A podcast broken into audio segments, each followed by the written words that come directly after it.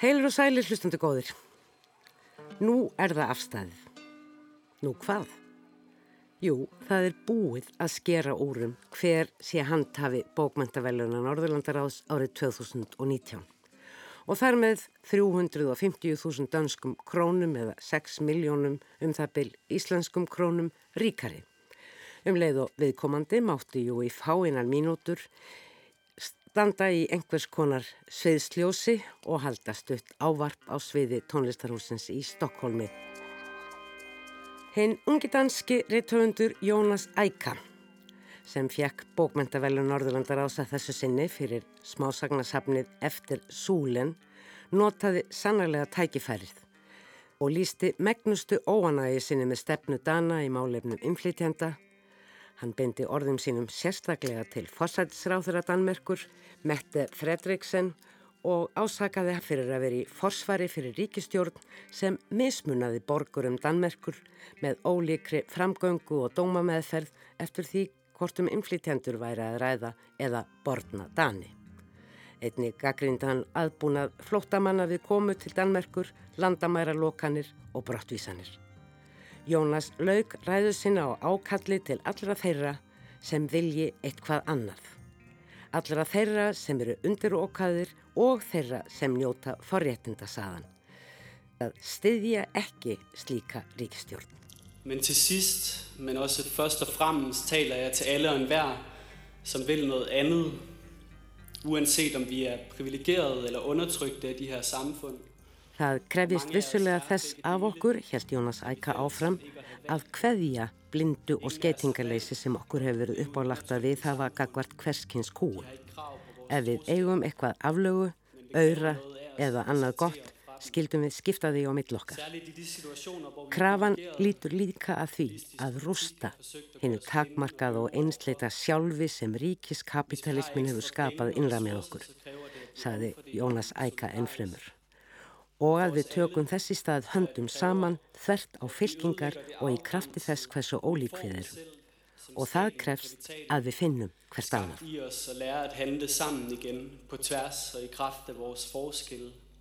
Det kræver at vi finder hinanden. Þessi orð handhafa bókmyndavelunum Norðurlandaráðs árið 2019, Jónas Æka, kallast fullkomlega á við smásögurnar í velunabókinni eftir Súlun sem fjalla allar um manneskjur í ólíkum aðstæðum kúunar hins samkeppnismarkaða kapitalíska samfélags og leit þessa fólks að ást og samleiti. Það var svo Kristín Roskifte sem tók við barna- og úlingabókmyndavellunum Norðurlandaráðs á sviðinu í Stokkólma á þriðdagskvöldið fyrir hennar frábæru bók sína Alle samen teller. Allir telja, samkvæmt orðana hljóðan, þar sem reyndar vantar í íslenskuna vísununa til gilda. Það er að segja að allir hafi sitt gildi, einir jæmt sem í stórum og litlum hópum. Því hver og einn hefur eitthvað til síns ágætis, eitthvað á samviskunni, eitthvað til að hlakka til, minnast eða sjá eftir.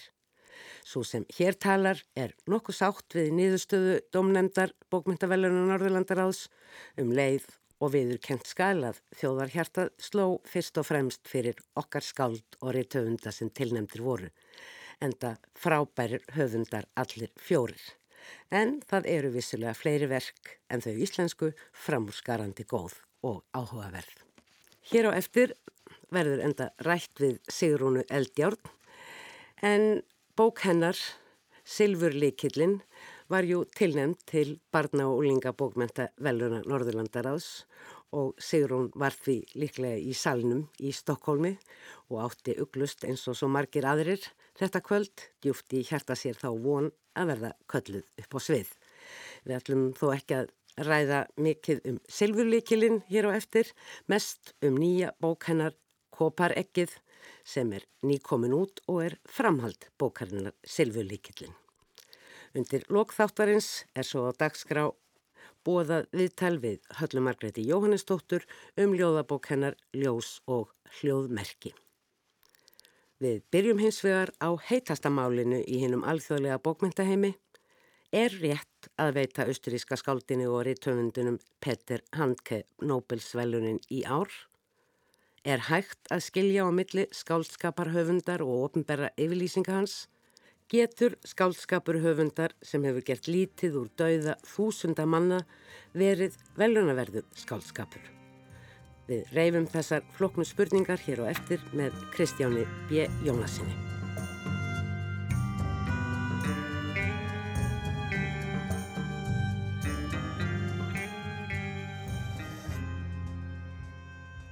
Kristján B. Jónasson, bókmyndafræðingur og útgifandi.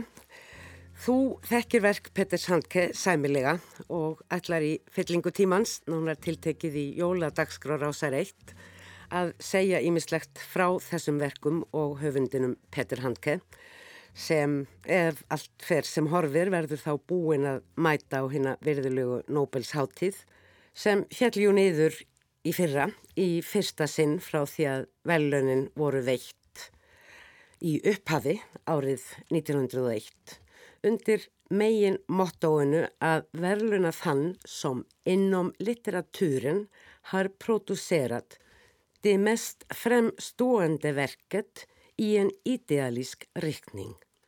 Það er að segja þeim sem hefur skapað fram úr skarandi, hugljómandi og hugssjónum mert bókmyndaverk. Hvort þetta hefur allt gengið eftir, alltaf er allt önnur saga og kannski eru slíkar bókmyndir einfallega ekki til. Sérkvært skáld og rittöfundur er jú líka manniska, breysk, fljótfær, hekomleg og hvaðina. Nú fyrir tveimur mánuðum þegar endanlega var staðfest að Sænska Akademían hefði lokst náð vopnum sínum eftir neykslismálinn sem urðu til þess að velunin voru ekki veitt árið 2018 var tilkynnt um tvo verðandi velunahafa og það stóð ekki á viðbröðunum. Höfundarnir tveir annars vegar hinn pólska og tiltulla unga Olga Tokarczuk og hins vegar hinn allmiklu eldri Petur Handke frá Östuríki. Þessi heftalegu viðbröð gilda aðeins skakvart velunaveitingunni til Peters Handke og má reykja til rúmlega áratugar gamalla deilna sem einmitt spruttu af velunum. En árið 2006 átti að veita Petur Handke afar virt þískverlun sem kendir við Heinrich Heine.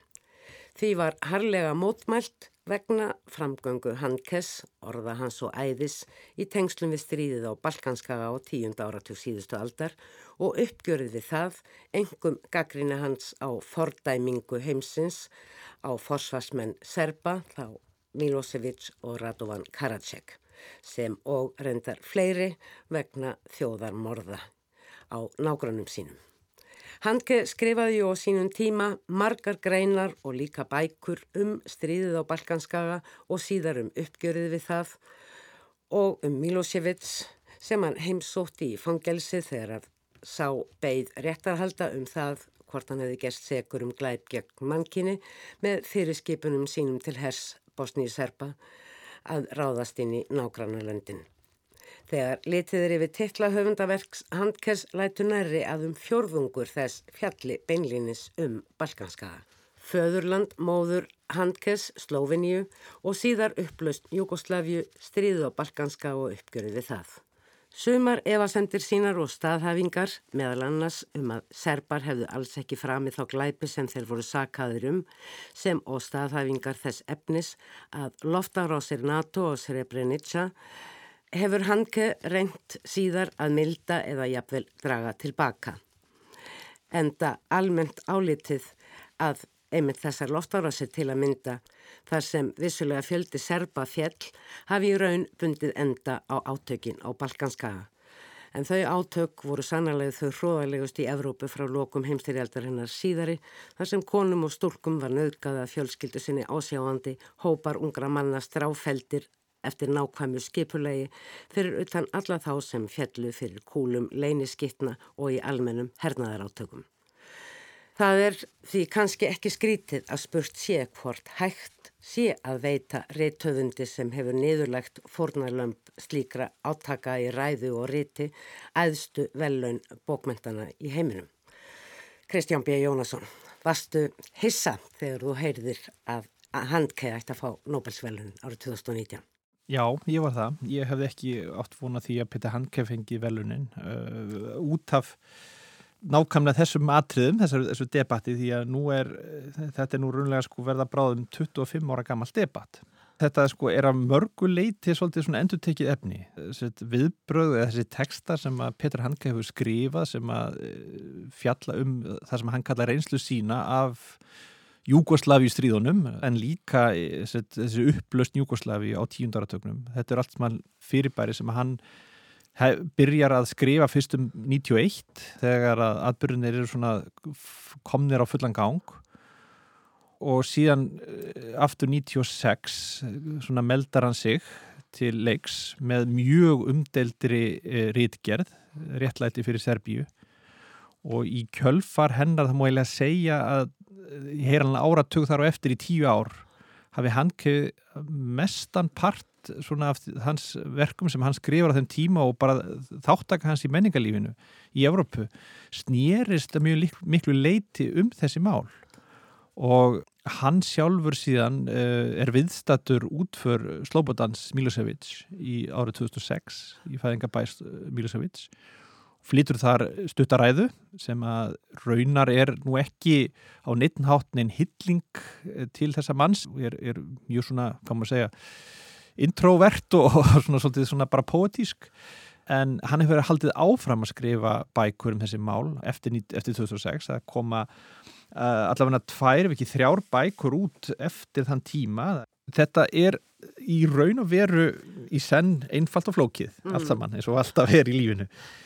Annars vegar að undanförni eftir að Snóbesvölunin fjallum honum í skaut að þá uh, koma fram kannski ekki þessi vennjulegu uh, þáttakandur í svona umræðum sérstaklega á Þíska málsvæðinu að því að nú Þíska málsvæðinu hefur farið í gegnum þetta allt saman áður svo morðið komast. Það er mm. búið að draga fram rauk með og móti allavega tvígang, fyrst 96 og aftur, bara heila nára tög var verið að diskutýra þetta fram og tilbaka Þetta uh, þá að tala um uh, þegar átt að veita honum Henrik Hænivelunum 2006 já, og sem síðan var dreyðið tilbaka og, og allt síðan rivjað upp sem hann hafði skrifað uh, áratun á undan. Já, það er alveg sér, sér kapituli.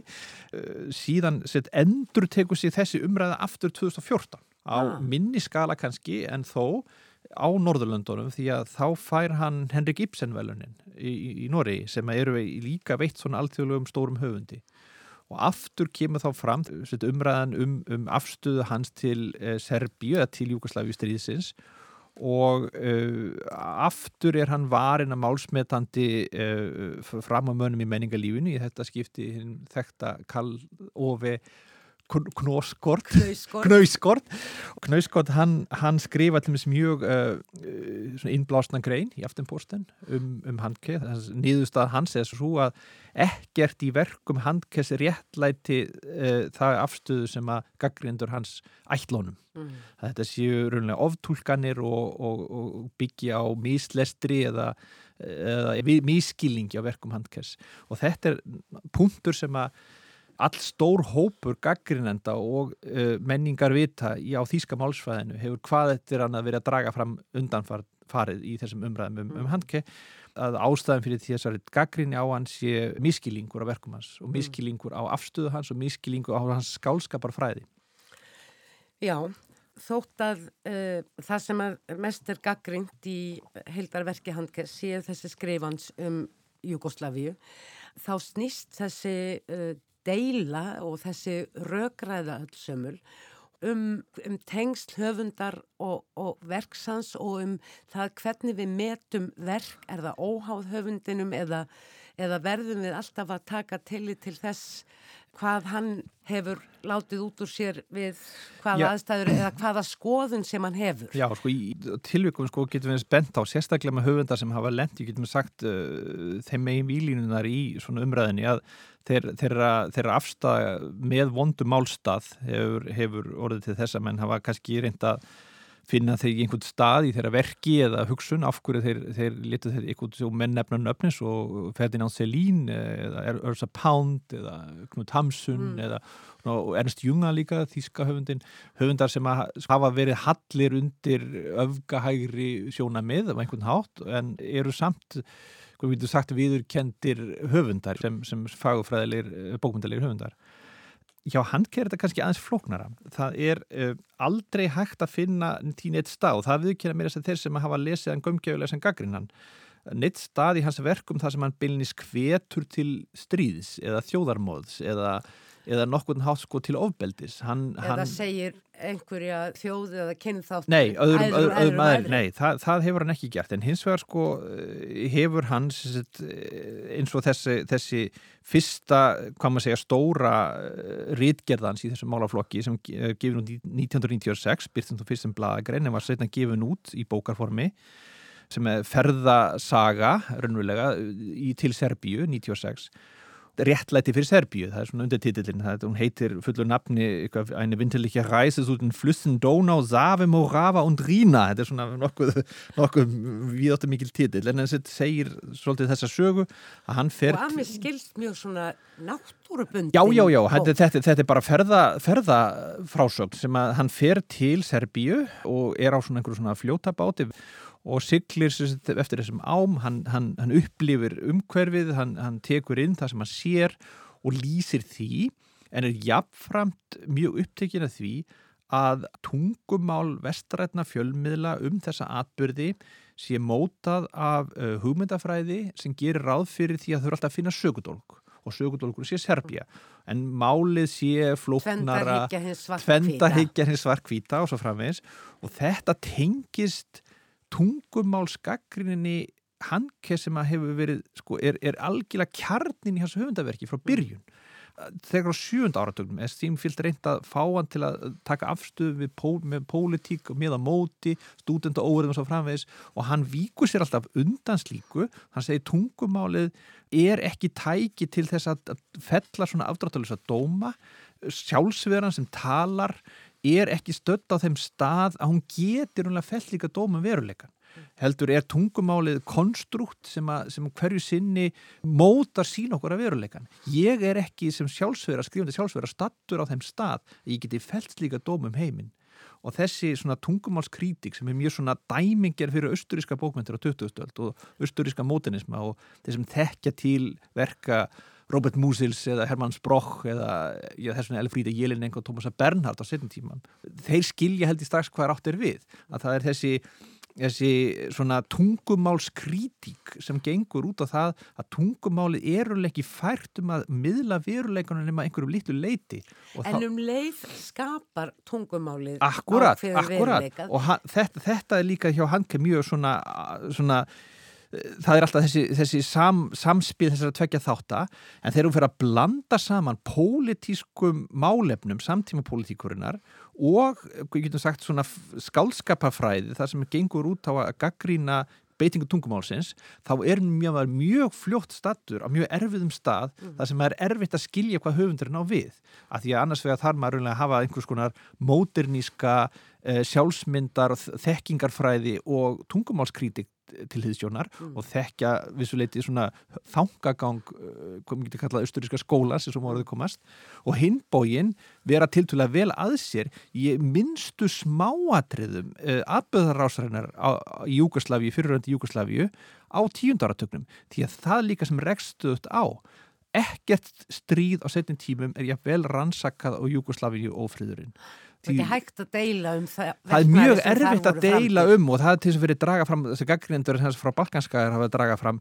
Eh, hvernig getur þú sagt í viðtali á einum stað já það voru svona kannski 2000 manns drefnir í Srebrenica. Það er bara ekki rétt, það voru 8000 manns þið minsta því við höfum grafið upp líkin, við höfum höfukúpunum til að telja þær það var fólk dreyið fyrir dóm og dæmt á grundulegsar sönnunugagna. Þú getur ekki mótmælt svona hlutum og þetta er nokkuð sem að rekstu þetta á og þá, þá kemur hann, hans, hans tólkendur aftur tilbaka og segja já, hann, hann bara fóð þarna, þetta er bara subjektív, þetta er mhm. subjektív upplifun hans af umhverfinu, svona lýsir hann því.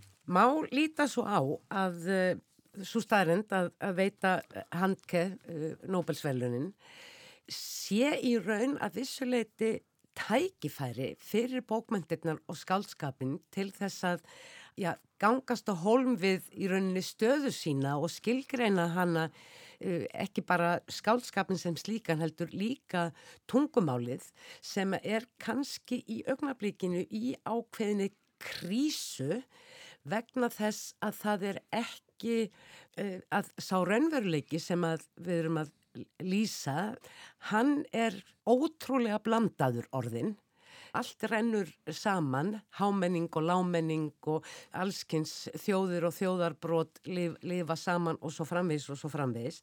En hins vegar byggir einhvern veginn svona hugmyndafræði tungumálsins sem við beitum svo mikið á tvendarhygginu, svart og hvítt. Kommunismin er fallin, kapitalismin hjælt velli eða hjælt hann einmitt ekki velli af því að hann getur ekki lifað án mótvægis. Mér finnst eins og akadémin hafi ekki gert sig grein fyrir hvaða Jú, hvað hann var að kveika sko, í? sko, í hverjum var að kveika sko það er kannski óvinnlegt fyrir núna þessa umræðu eh, vegna þess að fólk frá akadéminni sem sýtur í akadéminni það hefur blandað sér í umræðina bæði Rítari Akademína, Mats Malm, hefur gert það og, og talað um hann ekki sérstaklega og um það sem hann meinar að sé mískilingur á nákvæmlega þessu á tungumálskrítiskum eh, fleti eh, höfundavegs handkess hann sé uh, hort fram hjón en í staðum sé minna að taka miklu svona indregnara pólitísk debatt um, um komum ekki sagt, örlög þjóðan á Balkanskaga á tíundaratögnum og eftir það. Eh, sama hefur Henrik Petersen sem situr í akadéminni gett, hann í langri grein í spíkel þar sem hann dregur fram einmitt þetta um tungumálskritiska þáttinn og fjalla líkum það hvernig Hanke hefur sko uh, eh, gaggrínt eh, fasisma og, og, og tungumálfasismans og, tekið það fram. En svo höfum við á hinbóginn fólk frá Balkanskaganum sem hefur tekið þátt í umræðinni og gaggrínt Hanke og það er til þekktir höfundar eins og Alexander Hemon sem er nú mjög þekktur höfundur, býr í bandaríkjónum, er frá Bosníu en uh, fættur í Sarajevo en fór að skrifa ennsku eftir að var það innleiksa þar sem flótamaður í stríðinu sama með Sasja Stanic sem að uh, fekk þísku uh, bókmentavelunin um daginn og í þakkaræðu sinni gaggrindi hann kem mjög harkalega. Og fætt, akademíuna. Og akademíuna, jú, en hann er líka fættur í Bosníu, hann er Bosníumadur uppruna. Og svo nýverið uh, var mjög áhugaveð greina mér fannst eftir kroatískan höfund og, og bókmyndafræðing Alitu Brema sem er fætt og uppalinn í Kroatíu kemur 26 ára komið til Þýskland sem flótamaður og lærir það á þýsku en er núna orðin bæði þýðandi á þýsku og skrifa sjálf sögur og, og er líka uh, þáttakandi í bókmyndaumræðinu sem, sem fræðimæður og hún finnst mér taka svolítið, svolítið svona áhugaverðan pól í þessa hæð hún segir í síni analýsu á höfundaverki og viðbröðum uh, bókmyndaheimsins við þessum Júgoslavíu tekstum uh, Handkes. Þetta er prótofasísk verk. Handke er boðberi hægri öfgagilda. Kanski án þess að vilja það sjálfur en, en heimsmynd hans sem byggir á því að við getum ekki uh, byggt umræðu á staðrindum á, á getum kallað gildum upplýsingarinnar heldur eigum alltaf að leita aftur í því subjektífa og e, góðsögulega og upplifunina sem þessi bundin manninum sjálfum þetta er dæmigerð afstafa allra hafigri öfgamanni í Evrópu í dag mm. sem sífældur reyna afvegilega umræðina með að segja nei þetta var ekki svona e, staðrindir eru eitthvað sem við getum tólkað hefur e, innra líf mannsins eða, eða þjóðarinnar eða, eða er, er mikilvægara en, en beinharda staðrindir mm. en draga það það í efa og allir sem vita hvers konar uh, stað við erum á í dag þarna er hinn raunverulega výlina dagsins. Kanski erum þannig stað að umræðanum um fín blæbriði tungumálsins er of fín. Við erum stött á alltaf öðrum stað, hörkulegri stað sko. En svona miða við það, voru þetta algjör mistök? Auðvitað var þetta reflekterið ákvörðunar held í akademíunar að láta hann ekki hafa velunin og ég held að mér aldrei gleyma því að mjög mikið þessum ákvörðunum byggja á bókmenta umhverju Norðurlanda. Þetta er fólk, einhvern veginn hugsið svo sjaldan út í það Peter Handke hefur haft mjög mikil áhrif á bókmyndi Norrlanda, miklu meiri áhrif en því bara fólk gerir sér grein fyrir hér á landi. Mm. að því við erum á Íslandi stödd í svolítið... Tekstar hans hafa beinlýnis verið áhrif að vandar í skaldskapatekstum Algjörlega og það, þú veist, vörn, Karl Óves til dæmis fyrir hann er alveg dæmingir vörn hins norrann intellektuels fyrir Handke sama með, með vörn uh, Henriks Pedersen sem daginn sem að sittur í akadéminni í Sænska. Og við sjáum það líka bara á fjölda þýðinga. Það er búið handkess þýsku, eh, úr þýsku á dönsku og, og, og sænsku.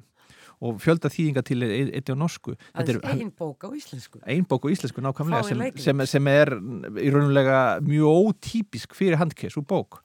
Og uh, við hér á landi, okkar skálskapafræði og fagafræði sem byrstist í íslenskum skálskap er mjög, í sjálfins er ekki frábriðun endilega öllu leiti því sem hann er að gera í sínum bókum Við erum eigum líka okkar höfunda sem að byggja á upplifun og subjektiviteti. Við erum sjálf mjög upptekin að þessum, þessum hlutum að skáldið geti miðla sín sem sé betri og meiri en bara staðrindinar. Hann sjá einhverja held fyrir sér, all, all, all, all þessi hlutir. En við erum ideológist oft næf í okkar bókmyndumræði. Við viljum ekki taka hugmyndinar og færa þar út á enda og sömlum svolítið yfirborðinu. Við erum svolítið allir sama partíinu. Við erum svolítið allir sama partíinu. Nú eru blöð bæði í Breitlandi, í Fraklandi, í Þískalandi og á Norðurlöndunum verð uppfull, allir menningakálvar uppfullir af með og móti greinum og einhverjum málamiðlunum og hvað sé nú mikilvægast að ræða í bókmyndunum og um bókmyndirnar og svo framvegs og svo framvegs.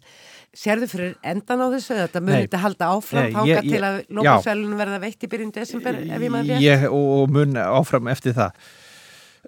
Ég held að hann sjálfur hafi kannski sko upplifað þannig að það væri svona, hann, sko því að hann hefur svo sem ekkert skrifað um þessi málefni núna alveg nýverið og þau viðtöl sem hann hefur svona veitt og vilja ræða þessi málefni því að hann lokaður alveg á það sko á tímanbili og lokaður endar eh, aftur á það eh, Núna? Já, já, hann hefur ekki viljað taka aftur til hans, hans ummæla og, og, og lág honum bara hver sem vil með það.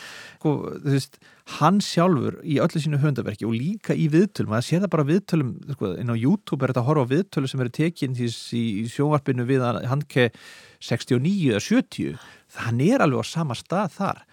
Og, og hann segir sko einhvers þar öllum líður svo vel þeir eru búin að skrifa nafni sitt undir einhvern svona lista. Þá eru þeir svona búin að kasta syndinni frá sér. Mm. þannig er ekki heimurinn. Hann er miklu flóknari. Við þurfum að taka punktuell afstuð til um alls konar hluta ef við ætlum að nálgast hlutin að verðum að gera á dýbri hátt við verðum að fara hún í tungumálið, hugmyndafræðina eh, þekkingafræðina líka. Hvar stendur subjekti gagvart veruleikan við þessum efnum? Hvernig getur við þoka hugsunin út úr því að við þurfum alltaf að hoppa ákveðin hugsanamótel í hverskið sem fjöldum með atbyrði það er alltaf að vera óvinnur og ekki óvinnur það er alltaf að, alltaf, alltaf að vera svartkvít þess, þessi svona tungumálskrítiska uh, uh, afstafa hans sem er mjög skiljaleg ef maður þekki þess að hefð miða-evróskra bókmenta og er mikilvæg mjög mikilvæg. umræða. Já, og ég alveg sammála því að Akademia Sænska, hún veit honum verðlunin út af þessu, af því hann er kannski eitt fremst í samtíma fulltrúi þessara kannski svolítið flóknu hugsunar. En á tímum þar sem að vegið er að, við getum sagt grunnstóðum raukfastar umræðu með hvers konar útdrætti og og síföldum uh, samsæðiskenningum og, og, og uh, falsfyrirtum og svo framvegs að þá erum við kannski ekki endilega snokkin fyrir þessum fínu blæfriðum mm. og þetta er það sem er mjög margi sem hafa fjallað um höfundaverk Hankes í svona kannski dýpri greinum hafa bent á það maður er mjög fljótur að missa áttana í, í höfundaverkinu ef maður reiknar ekki með þessum svona dýpri rótum sem að, sem að þarna á. Og svo má ekki gleyma því líka stór hlut þessu máli er personlegum toga hann er náttúrulega hálf júgoslavneskur eins og hann myndið hafa sagt sjálfur. Móður hans var frá Slóvinni og Júgoslavia í hans bensku uppvexti og sem ungur maður og verðandi reytöfundur og ungur reytöfundur var paradís hins sanna lífs. Já, uh, já. frum lífs og, og í var... pólitískun skilningi sko var Júgoslavia líka og þetta þess fram í bókans um Júgoslaviu sem kemur 1986, endurtegningin í Víti Hólung þar fer hann bara í göngutúr um, Slóvi, um Slóvinni og inn í Júkoslavíu og lýsir á mjög djúpan hátt og þetta er, þetta er, er rífandi bók það sem hann er bæði tekur inn náttúrun og landslægið, söguna, daglegt líf fólks og svo líka bara þessi reyfing, þessi líka með reyfing að vera á gangi og taka eftir umhverfinu sem er mjög fyrirfæra mikil þáttur í öllum höfundaverki handkess fram á þennan dag. Og hann sér Júkoslavi svo margt og þetta er einhvers konar útópía fyrir hann mm. og þegar þetta brotnar í sundur 91 eh, að þá er eins og hann bara takir eitthvað svona kurslút í höstum á honum og hann fyrir að styðja þá sem vilja halda ríkjasambandinu saman því miður eru það bara serfneski þjóðinsinnar sem voru ílmenni og, og drullusokkar sem að vílu ekki fyrir sér að, skipilegja þjóðarmorð mm. á, á nágrunum sínum en þetta sá hann bara ekki og það held ég sé alveg óumdeilt. Mm. Flóki mál en spennandi og uh, sem felur í sér bæði tækifæri og uh, líka hættur. Við leiðum það ekki til líkta hér en það væri þá ekkert í það varið og ég bara þakka þér fyrir Kristján B. Jónasson að koma og reyna með mér að varpa eitthvað aðeins skýrar að ljósi vonandi á þessa heilu miklu. Rétt klóra yfirborðið. Já, þetta er svo djúft og svo flókið í hennu stóra sögulega samengi og síðast en ekki sýst í samengi skálskaparins.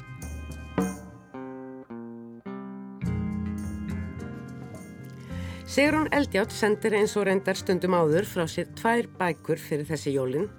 Annars vegar enn eina bókin um hana Sigur Fljóð, Sigur Fljóð í grænum kvelli og hins vegar framhald bókarinnar Silfurlíkillin sem færiði henni Íslensku bókmyndavellunin í fyrra og svo tilnefningu til barna og úlinga bókmyndavellunin Norðurlandaráðs í ár eins og áður kom fram. Nýja bókin heitir Koparekkið og þar eru þau enn á ferð, sískininn Soldís og Sumarliði sem nú búa í kjallarakvelvingu á samt fórildunum sínum og henni Caritas sem er svo litið eldri en samt ekki mikill og var hluti af fjálskildunni þegar hún loks komst út undir best loft þegar að ammaðinnar og bókasafnarinn mikli fjall frá. Í þessari bók koma líka nýjar personur til sögunar, nefnilega þau Lísa og Bjartur, en löngu fyrr eins og segir í upphafi Kopareksins og eins og síðar kemur í ljós jafnvel áður en hörmungarnar dundu yfir sem urði til þess að allir innviðir hrundu, ramagn var ekki lengur til, nýja nokkur önnur tækni og tæki sem að ganga fyrir rafmagni.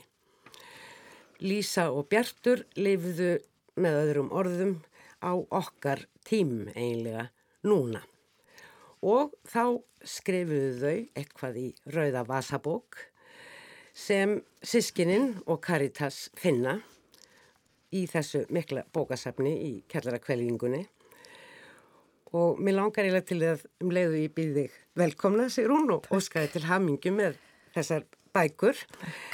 Að eh, byggðum að lesa smá brot úr þessari Vasabók þeirra sískina og samtíma manna okkar. Já.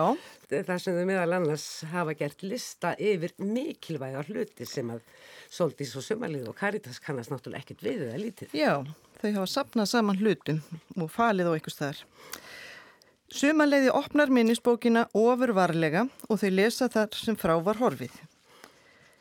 Listi yfir hluti sem við erum búin að sapna saman. 1. Snjálfsými. 2 nokkur hlæðslutæki, þrjú.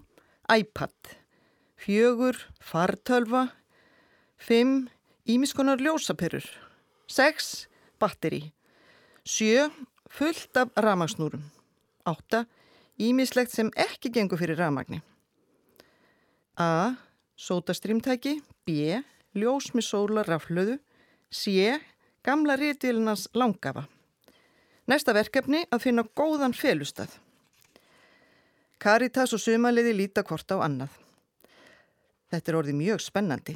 Bjartur og Lísa hafa aldeilis haft í nógu að snúast þegar þau voru að undirbúa þetta. En hvar skildu þau hafa falið alla þessa skrítnu hluti? Og spurningin er hvort að kopar ekki kemur þar eitthvað í sögun. Það gæti húsast. En svo eru þarna í þessari bók líka rustarnir í heiðardalnum og þeirra kongur Lítill drengur sem á sér ekkert nafn fyrir Soldís gefur honum nafnið Máni að óglimtri kettlingu í þjónustu konungsrustana sem bæði kann að gera eitraða örvaróta og mótefni við því eitri. Hvernig eiginlega sigur hún þróaðist þessi hugmynd af þessum bókaflokki eða kannski fyrst af öllu loftslagsmálinu eiga hugðin allan þessi misilin eins og undar fleiri, fleira fólks? Já, þau verðast hafa einhvern veginn farið inn í hausun á mér eins og fleirum. En það er alveg all mörg ár síðan ég byrjaði að leggja drög að silfurliklin og svo einhvern veginn var, urðu þessi mál alltaf meira og meira svona aktúel. Mm. Silfurliklin var frá upphafi sem sagt framtíðarsaga. Já, saga sem gerist í framtíðin. Já, í rauninni þá langaði mig aðalega til þess að gera sögu þar sem að væri ekki öll þessi tæki sem að krakka eru vön núna bara sína þeim hvernig Það var væri. kveikjan. og það var þá annarkost að fara langt aftur í tíman, gamla daga eða fram í tíma þar sem þetta væri hugsanleiki heldur til og ég valdi það að því mér fannst það mér spennandi Og uh, upphálega var bara þessi eina bók, Silfurlíkillin, eins og þú sagðir. Já, En nú er ljóst að þær, þær verða þrjár, ekki satt? jú, því þessi kóparekkið endar alveg Hún eldar í lausuloft. hún endar mjög, mjög í lausu lótti þannig að það er á mjög spennandi augnabliki. Miðbók er oft erfið, hygg ég. Það verður að vera eitthvað eftir fyrir síðustu bók og það er það svo sannarlega í koparekkinu. Ég hygg að lesendur muni býða í miklu ofvæni. En miðbók verður jú líka að vera einhvers konar heild. Já, en ég var svo sem ekkit endilega búin að ákveða það ætti að vera þrjár. Ég var ekki búin að leggja þetta alveg niður fyrir mér eins og ég held að sumir gerir sem búið til svona trilógíur. Þetta þróast svolítið mikið bara í höstum á mér á meðan ég er að skrifa. Þannig að þess vegna hefði geta verið bara tvær bækur í sér serju en þær verða allavega þrjár. Og það er þarna fyrsta bókin, Silfurlíkillin, eh, hún hefur kannski svolítið megin tema þetta að kynna heim þar sem að flest þau tæki og tól sem við erum vön og, og einhverjum sérlega krakkar lesenduðinu þekkja svo vel og eru mm. órjúmanlegur hluti af þeirra hverstegi og uh, síðan að vekja aðtekli þeirra í rauninni á bókum. Það Já. er svolítið kjarnin í fyrstu bókinni. Já, af því að þó að öll tækin eðilegist, ef að einhver staðar hafa geimst, glemst bækur í gömlum kjallara, þá virka þær náttúrulega ennþá, þótt tækin virka ekki. En hér uh, er það svolítið svona, það eru átök. Já, það er eru smá stríð þarna. Já, sem eru í, svona, sem bera uppi söguna. Það er Já. þarna þessi heiðardalur, Já. heitir þessu fallega nafni. Já, en þá er, er ykkur rustar í honum, sko. Mm, Og svo er það konurnar í gjánni, akkurat. hinn flokkurinn. Já. Og svo er það fálkin Já, sem að gegnir jú mikilvægu hlutverki já, og tengir uh, þessa hópa við krakkana. já. Og náttúrulega sko egg, hvað það er kopareggið og, og fálkaegg og og svona ýmsar aðrar bungur já, já, sem að eiga eftir að ala eitthvað af sér. já. Og það er meiri segja sko í, í hinni bókinni minni, þetta Sigurfljóði grænum kvelli, það eru líka egg. Þetta er svona eggja árið Já. hjá mér. Ertu búin að liggja svona mikið á? Ég veit ekki hvernig þetta gerðist, en stundum gerast bara hlutinni. Já.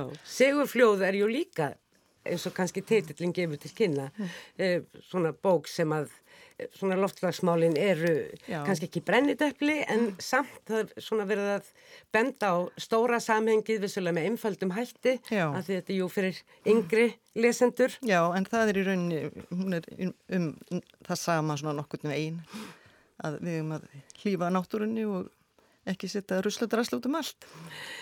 Hérna, þú varst í Stokkólmi Já, og hvernig var? það var ægilega gaman.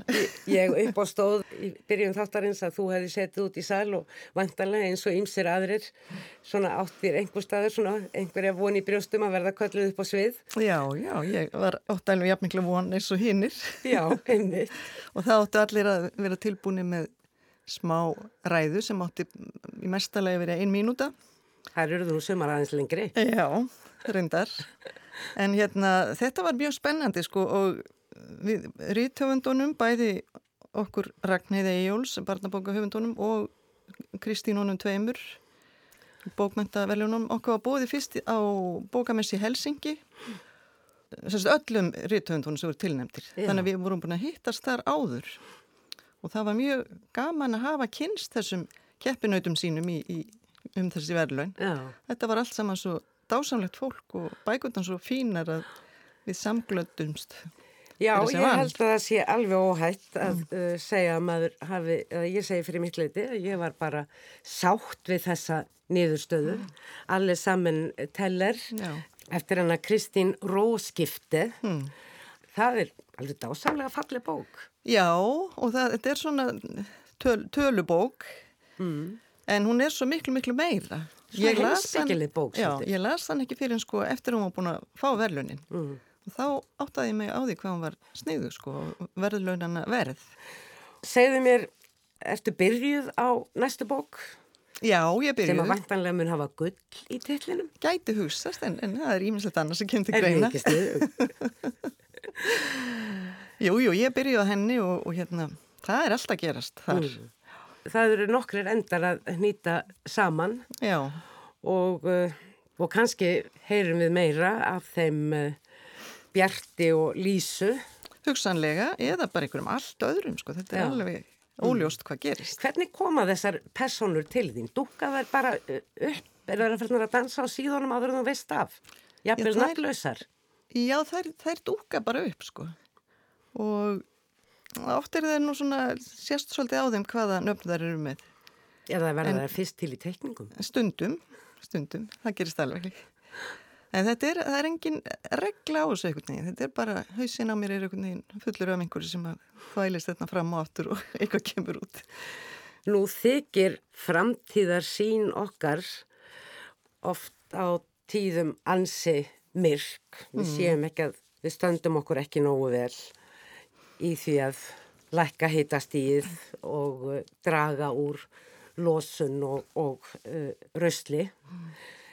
Þetta lítur að hafa verið svolítið jafnvægis ganga að, að halda, já, svona bjart síni inn í framtíðina. Já, og ég vil endilega, sko þó að þetta líti illa út kannski, þá vil ég endilega halda í bjartsýnina og ekki að vera hræða börnin eða gera þau rosalega áhyggjufull. Mm. Heldur að það sé í, þó að komi vissulega fram eitthvað alvarlegt og hræðilegt, þá, þá er alltaf von. Mm. Vonin er sko í börnum og bókum. Vonin er í börnum og bókum. Er þetta ekki ágætist loka orð, Sigrun Helgi? Jú, jú, Þakka þér innilega fyrir kominu. takk. Halla Margrét Jóhannesdóttir, hlustendum var lofað fyrir viku að þeir fengju meira að heyra um nýja ljóðabók þína, ljós og hljóðmerki eftir viku. Nú er svo stund runnin upp. Þetta er önnur bókin sem þú gefur út, svo fyrri kom út fyrir rúmum 6 árum og bar þann einfalda titil 48 sem ég reyndar sé af sama meði og talan 73 í titli síðasta kapla þessarar bókar og við komum kannski að síðar. Og þar með er ég vist búin að upplýsa að þessi nýja bók skiptist í nokkra kapla eða hluta sem eru svona tematískir. Mm. Í fyrsta hlutanum, kona með vasaljós, þar er verið að fjalla svona um ákveðin skil á milli tímabils í lífinu þar sem að eru tiltölulega margar dyr opnar og yfir á það tímabil sem að svona maður fyrir að horfa upp á það fer kannski að halla þessum dyrum eða hinum.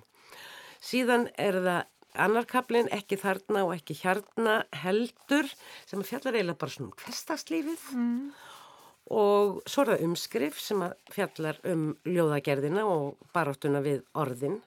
Og síðasti kablin ber daldið undarlegan titil 73 bandstrykk best regards. Og þetta er svona kablin hann er svolítið tregafullur og þannig söknuður hugsa til benskunar og ég veit að þú mistir föðurðinu ung og hann er daldið í þessum kabla jafnvel á fleiri stöðum í bókinni Jú. er hann svona daldið þó hann hafi látist fyrir uh, hvað næstu 30 árum Já.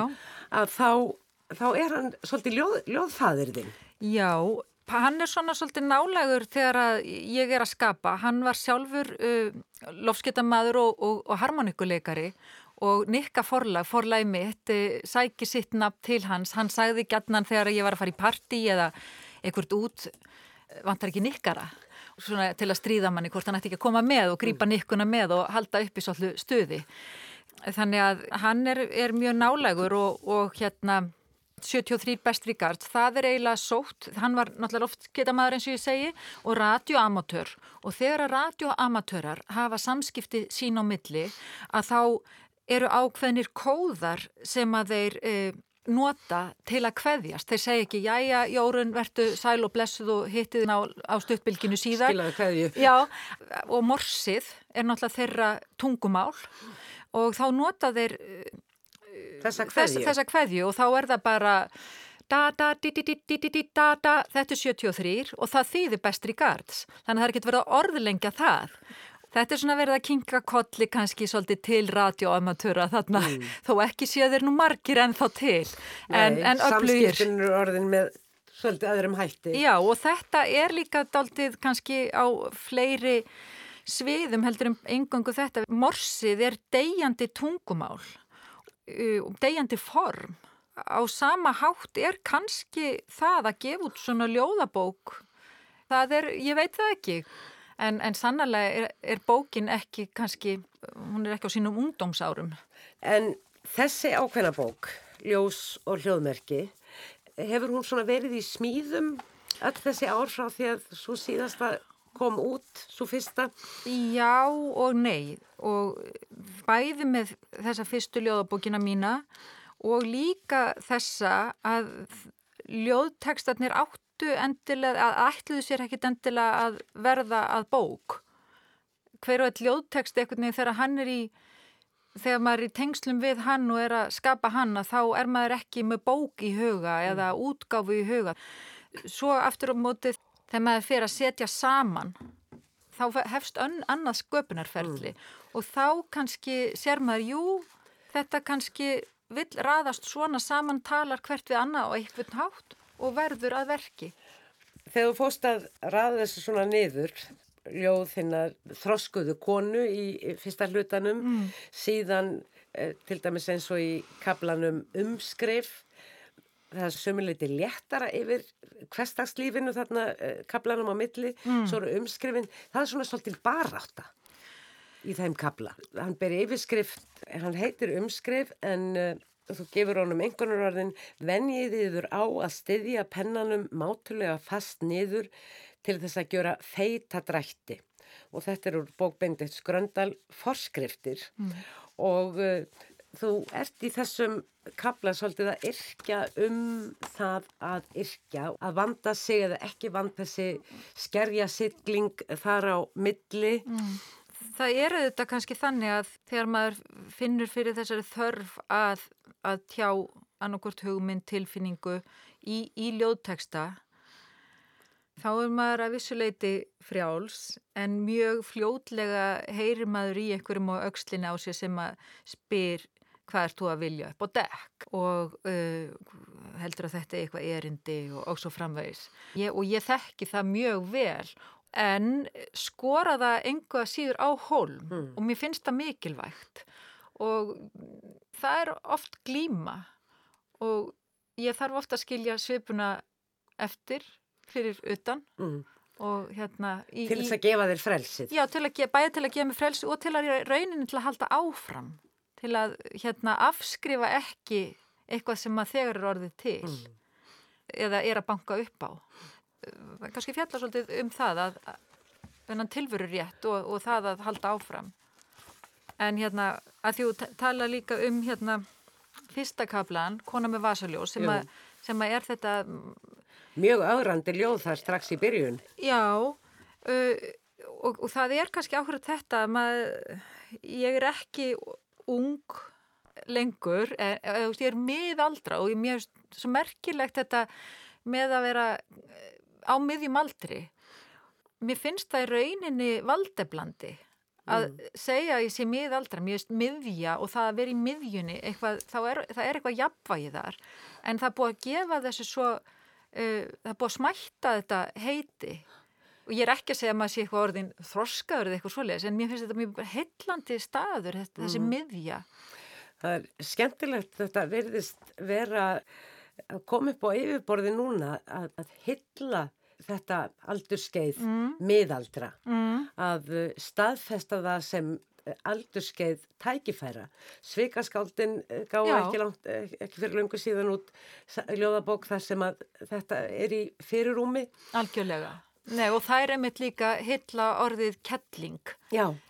Þetta heiti sem við höfum notað sem niðrandi, hún er svo mikið kettling en það er gott að vera kettling, það er mm. styrkur í því að vera kettling, að geta tekið uh, vel á því og, og bara hérna staði í sína tvo fætur og bóði 17 sortir, það er smart mm. Heyrðu, lestu fyrir mig ljóðið Hafnarsmíði sem er einmitt úr þessum kapla. Allt hefur sinn tíma. Orðin raða sér upp eins og litlir bátar, svo er þeim ítt úr vör, út um varir. Allt hefur sinn tíma. Orðin sigla um, rata stundum, tínast stundum. Leggja af stað sem smábátar, leggja að sem freigátur við allt of litla bryggju. Valda byggðalæginu stór tjóni sem þarf að smíða nýja bryggju. Það getur tekið mörg ár. Allt hefur sinn tíma. Já, þetta er uh, mjög tákgrænt ljóð fyrir það sem við vorum að tala um ekki satt. Bæði í rauninni ljóðagerðina og þetta aldurskeið. Já, og það blandast kannski þarna svolítið saman og þetta er nú, hefur svolítið marglega merkingu þessi yrðing allt hefur sinn tíma. Það getur verið hvetjandi en það getur líka verið letjandi og það getur verið afsökun. Allt hefur sinn tíma, þú, þú ákveður að stíga ekki skrefið að því að þú teluði trúum að allt hefur sinn tíma en kannski mm. þinn tími bara löngu komin. og er bara æfinlega og, og alltaf. Já, akkurat. Sífælt. Segðu mér, Halla Margreit, þú ert jú leikona, þú grendar íþróttakennari líka og jókakennari það ekki. Ljóð, skáldið og leikarin, Þar, þarna eru snertiflitir. Ég grein ekki þarna á milli. Ég, þó ég geti farið í alls konar hlutverk og tekið að mér verkefni og er í ymsum hlutverkum þannig en þá þá er sköpunin hvort sem að ég er að, að skapa hlutverk eða leikstýra eða semja ljóð eða setja saman ljóðteksta í, í bók þá þá kemur það úr sama brunni. Og meiri sé að þegar ég er að kenna að ég hef kent svolítið að það er, það er úr sömu orgu mm sem, sem að það sem þetta kemur. Það, þetta, ég er nú ekki flóknar en það. Ég er kannski bara mjög einföld og alls ekki eins margla eins og ég, ég lít út fyrir. Mm. Ég var nú líka að hugsa sko hversu mikið lestu ljóðin upphátt og, og uh, hlustar á þau þegar þú ert að semja þau? E, Þegar ég er að semja þau þá lesu ég þau alltaf upphátt. Ég, það er, það er uh, Hlut af því? Hlut, já. Af ferli? Já, og allan texta sem, a, sem að ég er að vinna með því að uh, fyrir þann sem er að skrifa, að lesa er uh, næring nummer eitt og að lesa upphátt, að heyra orðana hljóðan og heyra hvernig þau hljóma það getur verið bara einn forsetning að þú hún, nei, hún á ekki að vera með eða eitt personufornafn þá að fara aftar eða það er svo oft í upplestrinum sem að hrinnjandin kemur í ljós hrinnjandin kemur í ljós og, og, og jafn, jafnvel líka bara hljómurinn á ákveðnu mm. orði mm. að því að ljóð eru líka tónlist þau eru, þau eru hljómlist mm. ekki spurning já orðana hljóman eða orðana hljóðan. Hvoru tvekja? Nákvæmlega. Hérna, þetta er eiguleg bók, það er margt í henni og ég fekk hann nú bara í hendur í, í gær og er búin að vera flett henni í gegn og nú þegar við erum svona lesana að sínuleiti saman hér og nú að þá opnast ljóðinn enn með nýjum hætti sem er nú gerðnan líf ljóða að vera marglega með þessum hætti. Mér langar kannski að lókum til þess að leifa rött uh, konunar með vasaljósið að heyrast. Vel þú ljóð úr hennar kabla? Já, já. Ég held að ég ætla að velja ljóð sem heitir Marathon á háum hælum því að þó að við séum sem sagt þegar, þegar við erum miðaldra að þá verða, eða finnum við fyrir kröfum. Við finnum fyrir, kannski sköpum við kröfunar sjálfar, ég held oft, en, en, en, og kannski eru þessar kröfur á allar konur á hvaða skeiði lífsins sem þar eru en, en ég hef allavega fundið fyrir þessum, þessum kröfum á konuna sem, sem miðaldra því hún á að vera búin að áorka einhverju en hún á líka að vera fersk og ný og spennandi og vera takast á við nýja spennandi hluti og hann að hún, hún kannski, já, kannski stundum fær hún ekki alveg að vera bara svo sem hún er en, og það er þessi krafa sem kemur, kom til mín í, í þessum ljóðteksta, marathón á háum hælum. Þér má ekki líða illa. Þú ert forréttindapíka. Miðaldra forréttindapíka. Með slappa skapabarma. Forréttindapíka. Ekki kvarta. Alltaf í stuði, aldrei líða illa. Aldrei töða, alltaf í stuði, í stuði. Aldrei bitur, aldrei miðaldra, miðaldra forréttindapíka. Alltaf hér og nú. Hvað gerir kona þegar hún er hress og bitur? Full nægð og vannærð. Full nærð og vannægð. Hún bindur á sig hlaupaskóna. Hleypur. Hleypur. Fleiri verða orðum bækur ekki af þessu sinni. Takk fyrir að hlusta. Verði sæl.